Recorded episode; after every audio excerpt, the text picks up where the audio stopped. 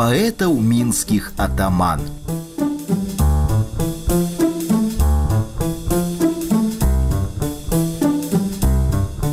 1963 годзе у жыцці Владимира Караткевіча здарылася неабыякая падзея. Ён атрымаў кватэру ў сталіцы, у сёмым доме на вуліцы Чарнышеўскага. Працу ў аршанскай школе пісьменнік завяршыў яшчэ ў 58, затым была вучоба ў Маскве на вышэйшых літаратурных і сцэнарных курсах, якая скончылася ў 62. Тым часам ён часта бываў і падоўгу жыў у Менску. Дзе у гатэлі здымаў кватэру, адгадку пісьменнік пакінуў сам у канцы рукапісу аповесці, які захоўваецца ў перакладніка Васіля сёмухі. У Менску у хаце краўца, дзе некаторы час жыў, дапрацоўваў аповесць дзікае паляванне караля стаха. У тым жа 58 караткевич паведамляў янку брылю пішу зараз увесь вольны час і за гэты час скончу сучасныя апавяданні і апрацую дзве-тры маленькіх аповесці пра шляхту. Адну амаль апрацаваў апошнюю пра 80-тыя гады мінулага стагоддзя ў беларускай глушы. Дзікае паляванне караля стаха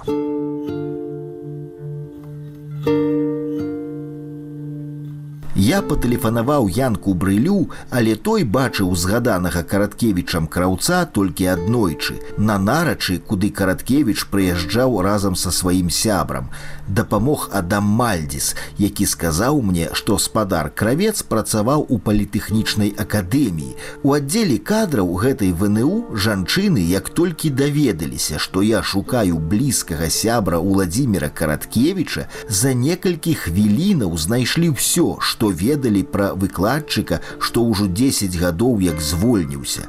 Валянцін кравец жывы і жыве таксама, дзе ў канцы 50х атрымаў дзялянку з зямлі пад будаўніцтва дому. Прыязджайце, калі зручна, адказаў ён адразу на маё тэлефоннае запытанне пра караткевіча.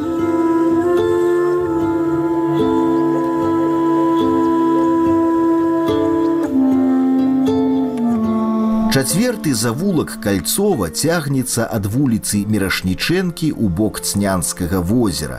Прамысловы пейзаж з цяжкімі бетоннымі будынкамі аўтапарку паступова змяняецца карцінаю тыповага менскага прадмесця.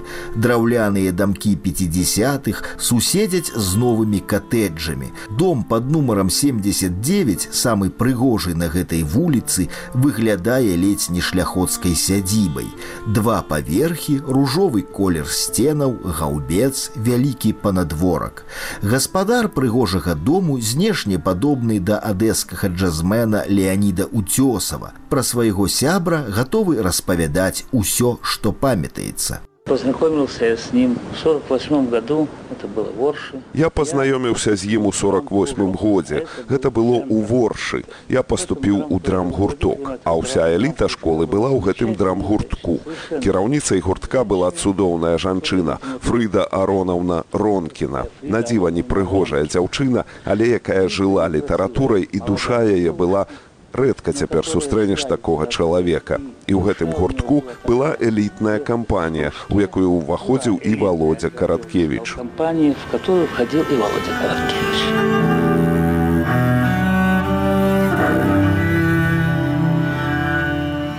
Сам таго не ведаючы, Валянцін стаў супернікам караткевіча ў любоўным трохкутніку. Аднойчы ён праводзіў да хаты упадабаную дзяўчыну, у якую, як высветлілася пазней, быў закаханы і Владзімир. І вот в один прекрасны вечар. І адным цудоўным вечарам я ішоў, а з воўкам мы былі амаль ворагамі, мы не размаўлялі два супернікі. А калі я аказаўся кінуты, я ішоў паўз дом Володзі Караткевіча, там ляжала вялі вялізнае бервяно, на якім сядзеў валоцька і чагосьці думаў. Праходзячы міма я спытаў: « У цябе запалкі ёсць, Ён кажа: ёсць. Я падышоў, закурылі. Слова за слова і пачалі мы, што такое я. Вядомае філазофскае пытанне. І мы прагаварылі з ім некалькі гадзінаў. Я яму паведаміў пра сваё няшчасце. Карацей, з гэтага моманту пачалася наша дружба. І дружба гэтая ператварылася ў чорт ведае што. Яго маці казала: ну такая ўжо дружба кашулю няма калі перамяніць. Мы сапраўды адзін без аднаго жыць не маглі. Но мы действительно друг без друга жить не могли. Сябры днямі прападалі на дняпры, а ўвечары сядзелі на гарышчы караткевічавай адрыны, дзе паэт чытаў свае вершы, напісаныя па-расейску. К этому были предпосылки, что он не писал по-белорусски. Гэтаму былі прычыны, што ён не пісаў па-беларуску. У першай школе у нас была абсалютна бяздарная настаўніца беларускай мовы, якую проста ненавідзелі. І з'ехаў ён у Кіеў. Мы перапісваліся. Ну, с Вовкой мы переписывались. Жыццёвыя дарогі сяброў разыходзяцца. Уладзімир паступае на філфак кіеўскага універсітэту, а Валянцін у беларускі палітэх, у якім пазней будзе выкладаць. Але з караткевічам ва ўкраіне адбываецца дзівосная метамарфоза. Воршу пакінуў расейскамоўны савецкі юнак володя, а назад у Беларусь вярнуўся ўжо іншы чалавек. Я помню, когда он приехал ко мне в институт. Памятаю, калі ён прыехаў да мяне ў інстытут, ён захацеў патрапіць у домік янкі купалы ў вязанцы. Грошай у нас было нуль, а цягнік даходзіў да станцыі Беларусь. Мы купілі 300 грам іржавай камсы, на хлеб у нас грошай не было. І з гэтай камсой мы накіраваліся на цягнік, без білетаў. І далей мы пайшлі пешкі. Прыйшлі мы туды, паглядзелі на гэты домік, ніякага музея там яшчэ не было, пагаварылі з людзьмі, прычым ён гаварыў па-беларуску, а я намагаўся гаварыць. Ён кажа: сціхні ты саромеш мяне, ты па-беларуску не ўмееш, а намагаешся.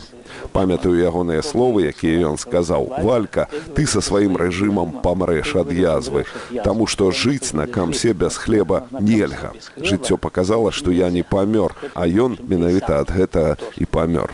Показала, что я-то не умер, а он именно от этого таки умер.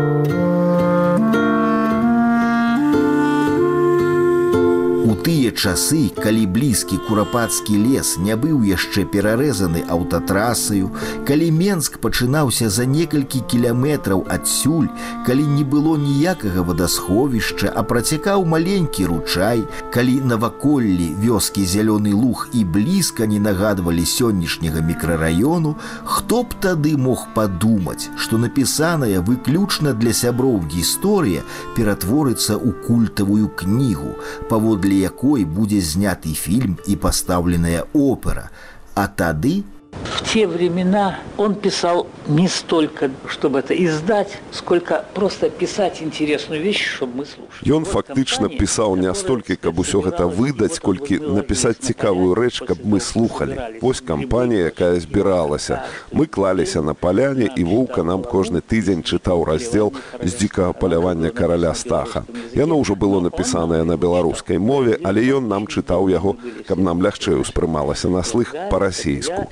І вось гэтая кампанія, якая на гэтай фотакарцы вельмі доўга мы былі разам. Галя, я, гэта воўка. Дзікае паляванне караля стаха было кожную нядзелю. Мы чакалі з нецярпеннем гэтую нядзелю. Мы кладземся на паляне і воўка чытае раздзел. На поляне, и Вовка читает главу из дикого поливания короля Стаха. У пакоі, дзе караткевіч, гасцюючы ў сябра, пісаў свае раздзелы, з тых часоў не засталося нічога. Нешматлікую мэблю ён забраў з сабою на новую кватэру, але, нягледзячы на гэта, усё роўна ўваходзіш сюды асцярожна, бо ў такіх месцах важная не столькі музейная атрыбутыка, асабістыя рэчы, колькі выразна адчувальная энергетычная прысутнасць таго, хто тут жыў. Пол был земляной, и эти две крайние. Падлога была земляная. Гэтыя два крайнія пакойчыкі нашы, А вось гэты гэты быў ягоны пакойчык. Мы разам паклалі падлогу, каб воўка змог тут жыць. Усё, што ў нас было, было агульнае. Нават я хацеў захаваць драўляную прыбіральню, якую воўка асабіста яму выкапаў, выклаў і пабудаваў гэтую драўляную прыбіральню, але разабралі. Построил деревянный этот ту- туалет. Не разобрали. А краевид з вокна. А вот здесь был совершенно другой, понимаешь, край. А тут быў цалкам іншы краявід. Гэтых дамоў ніякіх не было. Тут ішоў высокі пагорак. Гэты пагорак знеслі. Узялі тэхніку і ўсё лета гэты пагорак рылі пакуль не зрылі. Адсюль ён катаўся на ровары. Быў такі выпадак. Ён катацца на ровары не ўмеў. Ён два разы на ровары пракаціўся. Адзін раз у воршы. У воршы на дарозе адзіная варонка. І я меў ровар у дзядзькі браў. Пасадзіў валодзьку, штурхануў яго і ён паехаў. Але варонку ён ніяк не мог аб'ехаць. І ў самую варонку уляцеў такі, пабіўся. Нічога застаўся задаволены. І тут другі раз ён паехаў на ровары. Тут каля гэтых весніцаў я яго туды падштурхнуў, ён паехаў, але не ведаў, дзе тармазы. Ён ляцеў уніз і галасіў, пакуль не зарыўся ў пясок з пабітымі лакцямі, каленямі. Трэцяга разу не было. Третьего раза не было.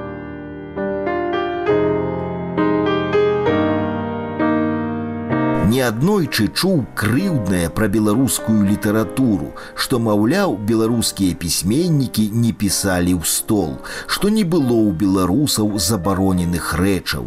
Але аповесць маленькая балярына, у якой караткевіч паспрабаваў зразумець Сталіна, адчуць сувязь безмежнай улады і халуйства была надрукаваная толькі ў канцы 80-х. Нават сёння гэтая аповесць не выглядае на наіўным дакументам хрушчоўскай адлігі, хутчэй намаганнем зразумець час усеагульнага страху і вар'яцтва.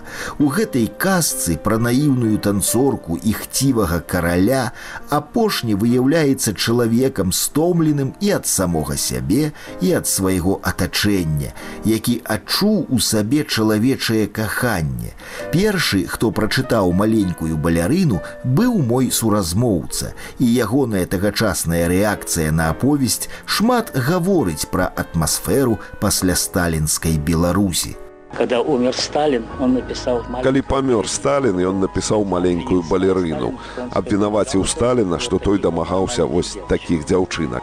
Я сказаў: дарагі мою, не пішы таго, чаго не ведаеш. Воўка ўзвіўся, вылез у гэтае вакно, пайшоў сеў на горку і пасядзеў пару гадзін у піку мне, дэманструючы сваё незадавальненне. Дэманстрирую сваё неудовольствие. У лістападзе 1961 году сябры выправіліся на цэнтральную плошчу, каб убачыць, як будуць валіць помнік нядаўняму правадыру. Мы с ним ездили, когда снимали вот это. Мы з ім ездзілі, калі здымалі помнік Сталіну. Мы ноч прастаялі на цэнтральнай плошчы. Помнік быў абкладзены мяхамі з пяском і хацелі танкамі зваліць гэтую фігуру. Зачапілі танк тросам, гусяніцы буксуюць, а помнік стаіць. Зачапілі другі танк і зноў тое самае. Мы адстаялі ноч, ды так і сышлі. Як яго потым павалілі, не ведаю. І дарэчы кажучы, ён яго не любіў ніколі ніколі. Ён тады раней за мяне разумеў, што Сталін дэспот. чым я понимал, што Сталін деспот. Мінаюць дні, прыходзіць слава, а грошай як раней няма і ходзіць у пальце каравым паэта ў мінскіх атаман, Таму што люд мой беларускі, жывая слава не кране, і ён за кошт маёй закускі на помнік эканоміць мне. Гэта верш з рукапіснага альбому Уладзіміра Караткевіча, які ён падараваў сям'і краўцоў у 50-х, альбом з вершамі, сяброўскімі эпіграмамі ды шаржамі. Мы были очень небогатые, мягко говоря. Мы былі вельмі небагатыя, мякка кажучы. І адным цудоўным днём воўка разыграў такую сцэнку. Ён з'явіўся і сказаў, што я нарэшце разбагацею, якім чынам. Я кажа, знайшоў склад, у якім можна залезці і скрасці вельмі шмат паўлітровых бутэлек і здаць вельмі многа шалёныя грошы. Валасы ва ўсіх сталі дыбарам, усе пачалі ўгаворваць. Скончылася тым, што напрыканцы вечара ён разрагатаўся. Пасля ён іграў вар'ята аднойчы прыйшоў з такімі вытарачанымі вачыма, цвёрда трымаўся ўвесь вечар.